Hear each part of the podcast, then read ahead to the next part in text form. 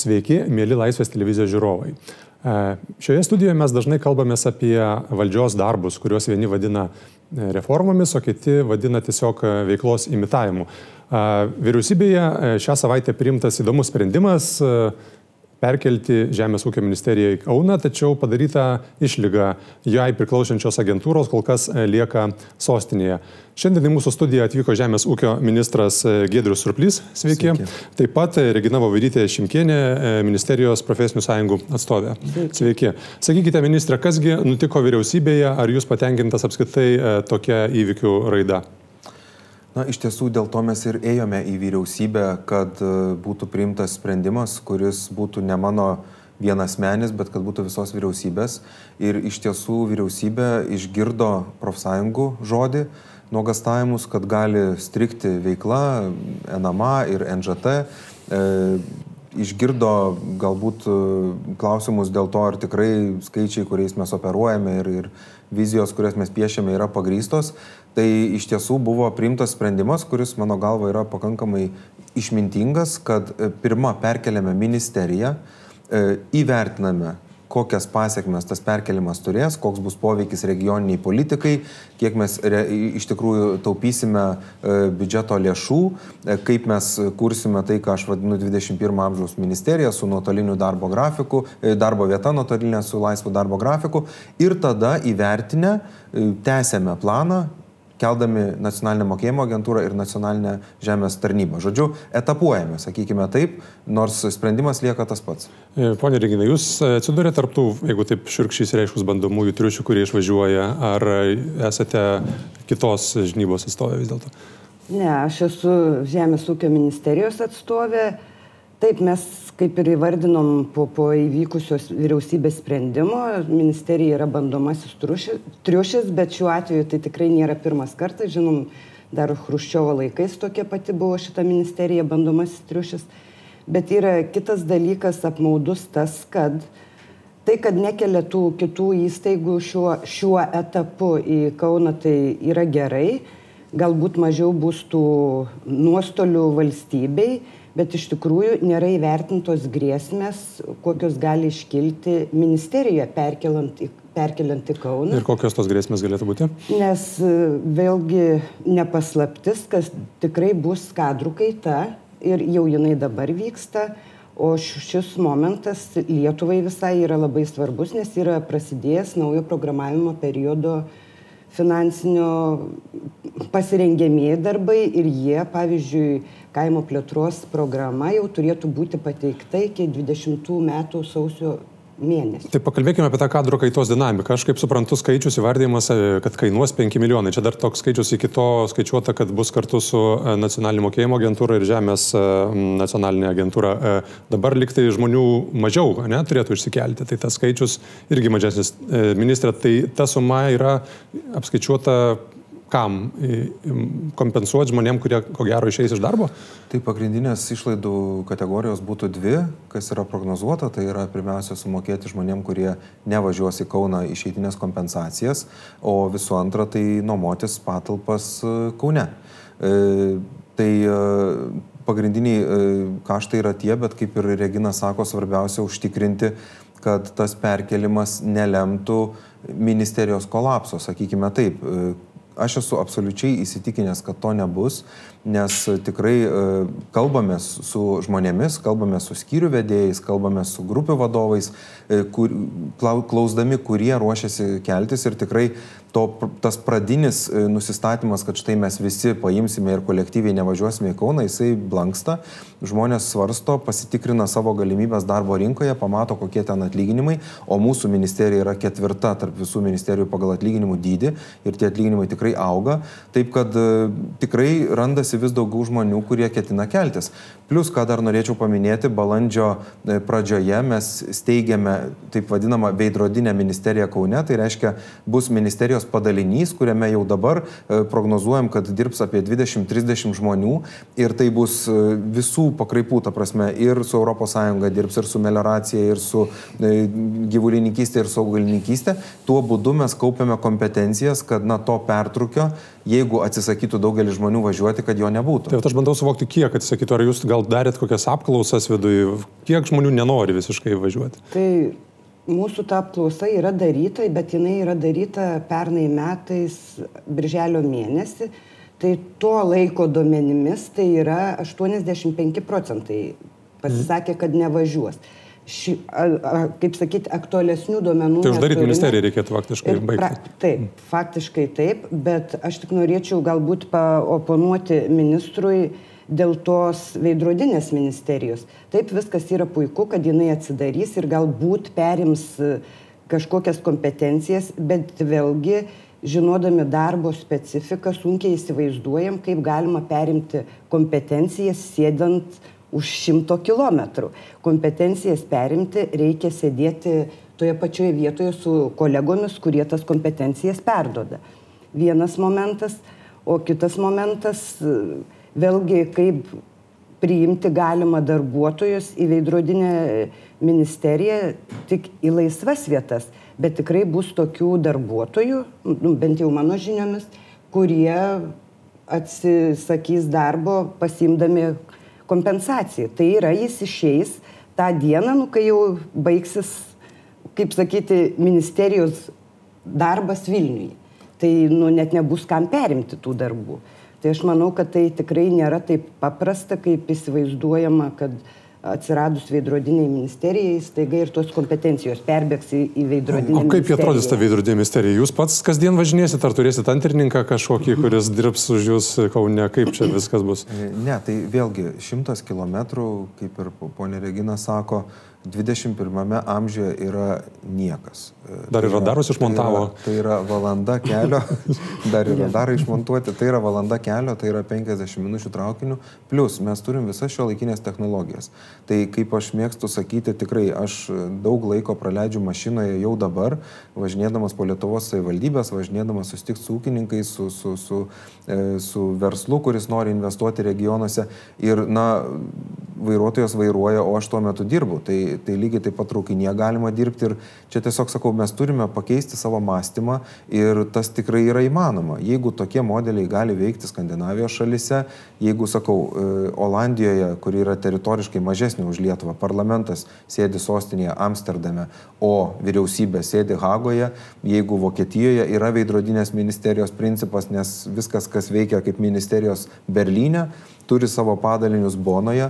Jeigu tiek NMA, tiek NŽT atitikmenys veikia Švedijoje, Norvegijoje, Olandijoje, Vokietijoje, toje pačioje, tai kodėl mes bijome ir norime užstrikti šitame XIX amžiuje, akmens amžiuje, kuris, na, sako, kad jeigu aš sėdėsiu ant kėdės, ir turėsiu popieriaus lapą, reiškia, aš labai geras darbuotojas. O jeigu to nebus, reiškia, aš esu labai nevykęs. Na, pratesint istorinės paralelės ir geografinės, aišku, galima prisiminti Kiniją, kuri miestus iškelia, jeigu reikia užpilti kokį slėnį. Tai mes turime Kazakstaną, Kazakstaną, turim ir, ir, ir Sakartvelą, ir, ir, ir, ir turbūt Etiopiją reikėtų bet, paminėti, bet mes ne į tai orientuojamės. Mes taip. orientuojamės į vakarietiškas valstybės, kurios turi gerąją valdymo praktiką, kurios turi darbo vietų įrengtų mažiau negu yra darbuotojų etatų, kadangi niekas neteina vienu metu į darbą, nes žmonėms patogiau dirbti ir pasiekti rezultatus nuotolinėje darbo vietoje, reiškia iš namų. Bet šita nuostata atsinešta kartu su programa valstiečių ir žaliųjų sąjungos ir tvirtinta ten rinki, rink, per rinkimus, reiškia viskas kaip ir suprantama, bet ar tai ateina iš gyvenimo, ar vis dėlto tokia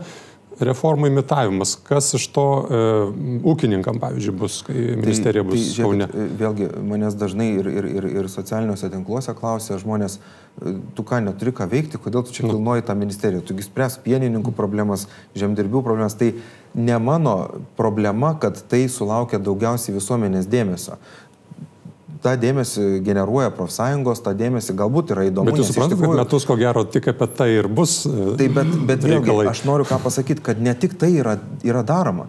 E, vėlgi, šią savaitę kaimo reikalų komitetas pritarė mūsų baltai knygai Žemės ūkio ir kaimo plėtros, kuri iš principo įrėmina visą kaimo plėtrą 11 metų į, į priekį, ko niekada nebuvo padaryta. Mūsų europinės paramos taisyklės ir čia atliepiant vėlgi tai, kad, kad mes trumpinsime darbo laiką ir greitinsime procesus. Yra trumpinamos 2, 3, verslo planas sutrumpintas 6 kartus, kas atsiliepia tam, kad mes dabar turime daug daugiau paraiškų e, iš žmonių, Taip, kurie nori darbas nesustos. Verslų ir taip toliau. Sprendžiame pieno sektoriaus Taip. problemas ir strateginiais sprendimais, ir tuo pačiu taktiniais, kaip galbūt padėti jiem gauti daugiau ES paramos, kaip galbūt pasiekti tam tikrus kitus sprendimus.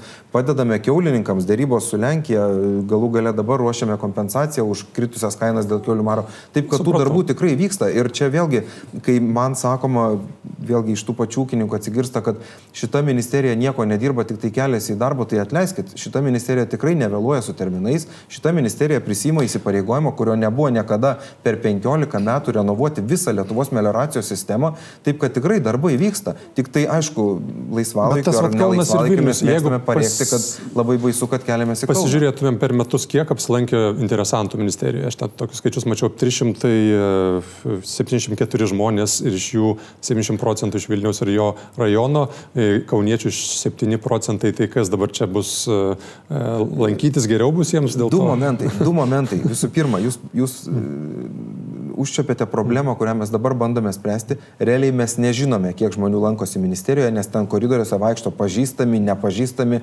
asocijuoti, neasocijuoti Socialus. įvairiausi žmonės. Ir mes dabar bandome įvesti tvarką, kad registruokimės. Iki šiol jos nebuvo ir dabar nelabai jinai įsigalioja, nors jau taisyklės yra pakeistos. Taip, kad čia yra vienas momentas. Kitas momentas, ką mes matome Vilniuje, tai Vilniuje kaip ir Pavyzdžiui, Briuselį mes matome atstovus arba dažnai atstovų atstovus. Kažkokios asociacijos, kažkokios organizacijos. Kai aš išvažiuoju į savivaldybės, aš sustinku su tikrais ūkininkais. Kai aš išvažiuoju į Kauną kartą per mėnesį, nes aš jau dabar važiuoju kartą per mėnesį sustikti su gyventojais Kaune, tai ateina tie tikrieji ūkininkai. Ir šioje vietoje man atrodo, kad kai ministerija bus Kaune, jinai bus atviresnė e, gyventojams ir bus arčiau Lietuvos vidurio, taip kad mes tikrai toje ministerijoje pamatysim daugiau ūkininkų, o ne tų asocijuotų asociacijų asociuotų, asociuotų. Aš matau tikrai didžiulį entuzijazmą, bet norėčiau pasiklausti jūsų. Taip. irgi paprieštarauti. Iš tikrųjų, Žemės ūkio ministerija tai yra žemės ūkio politiką formuojanti institucija. Ir iš tikrųjų ūkininkui nelabai reikia į žemės ūkio ministeriją. Ūkininkui reikia į ministeriją, į pavaldžias įstaigas, tai yra tą pačią nacionalinę mokėjimo agentūrą, į nacionalinę žemės tarnybą, į žemės, rajono žemės ūkio skyrius, kur jie visus šituos reikalus gali susitvarkyti.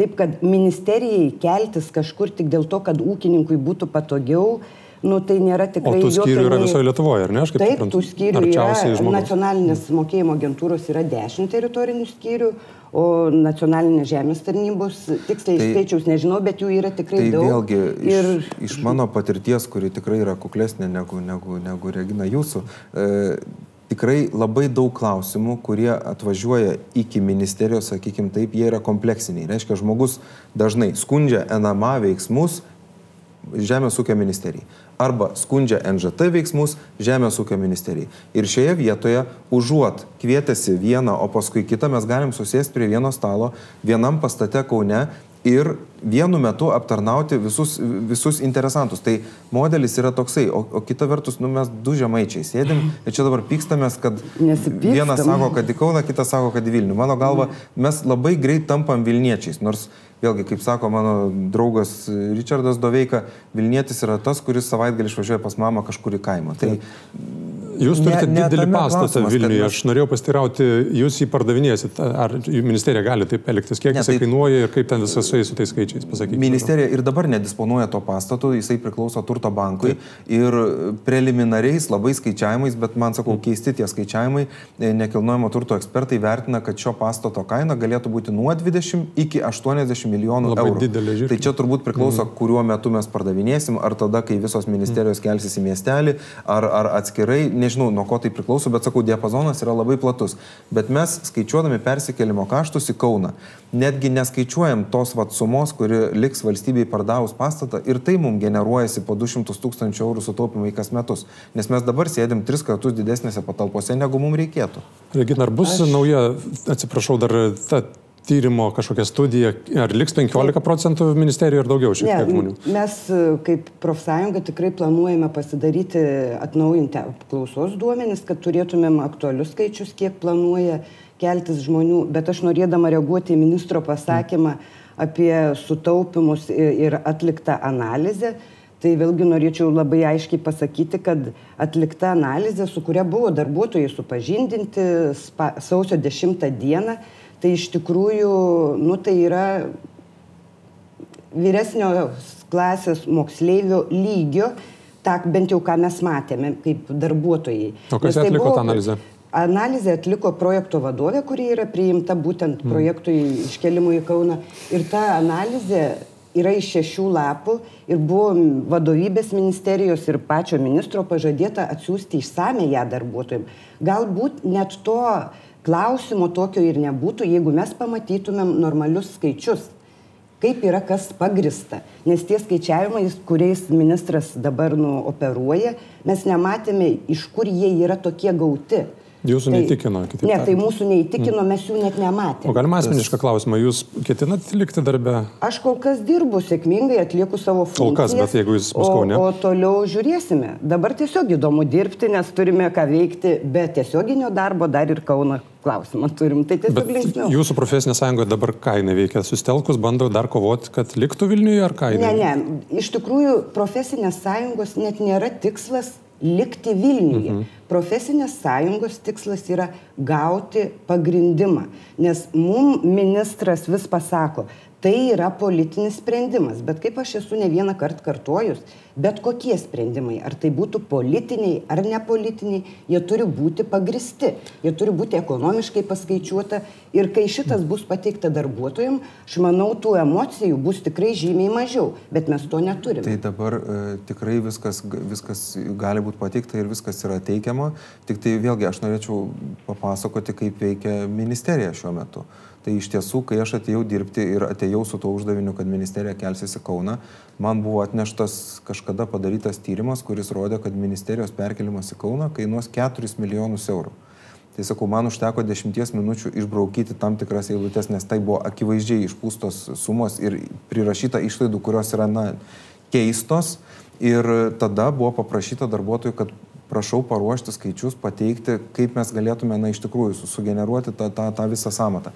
Į tai man buvo atsakyta, čia tavo problemos, mes tikrai nenorim keltis į Kauną ir mes nieko nedarysim. Tai gal čia tai štai šioje vietoje, bandau pasakyti, operuojant tais skaičiais, kurie Taip. prieinami ministerijoje, mm. kuriuos galima paimti, nes darbuotojai piktybiškai atsisako jos duoti, tai tokia yra analizė padaryta. Bet jinai yra tikrai racionali. Nesakau, šiandien mes sėdime patalpose, kurios yra tris kartus didesnės negu mums pagal darbuotojų skaičių reikėtų. Tai yra šaltas pastatas, pusė, kor, pusė tiesiog vieno, viena pusė pastato yra maždaug 16 laipsnių temperatūros kabinetuose, mes jį šildome vykdome pilnu, pilna apimtimi, tai tai tikrai leidžia prognozuoti net ir vyresnės klasės mokiniui, kad persikėlus į Kauną į A klasės pastatą mes labai daug taupysim ir iš ploto, ir iš e, visų komunalinių patarnavimų. Bet esame išvalgų, kad yra ne tik tai nenoras e, darbuotojų keltis arba čia pinigai, kurie valstybės mastu sutikime nėra e, tokie jau esminiai, kad yra antikonstitucinis veiksmas, nes įtvirtinta 17 straipsnėje, kad sostinė yra Vilnius ir visi esminiai jo simboliai, kitaip tariant, esminės valstybės institucijos. Tai čia būti sostinėje. Tai čia, čia šiandien bus? aš išgirdau tą interpretaciją, iš tikrųjų reikia pasižiūrėti. Aš pats domė, skaičiau kažkada, varčiau tiesiog savo įdomui, ar yra kažkur įrašyta, kad Žemės ūkio ministerija arba ministerijos turi veikti Vilniuje. Tai aš nei vyriausybės įstatymė, nei konstitucijai, kaip jūs sakote, tokio, ter, tokio teiginio nėra. Nu, taip, Vilnius yra sostinė, taip, jame turi būti simboliai, bet ar Žemės ūkio ministerija yra Lietuvos valstybingumo simbolis, aš labai abejočiau. O aš tai vad klausau jūsų, toks, žinokit, dėžavų jausmas. Va šitoje studijoje kažkada praėjusiais metais kalbėjome su ministre kita, kuri buvo pilna optimizmo ir aš klausiau, ar nebaisu šokti dilgelės neapsirengus, sakė, ne, viskas bus va.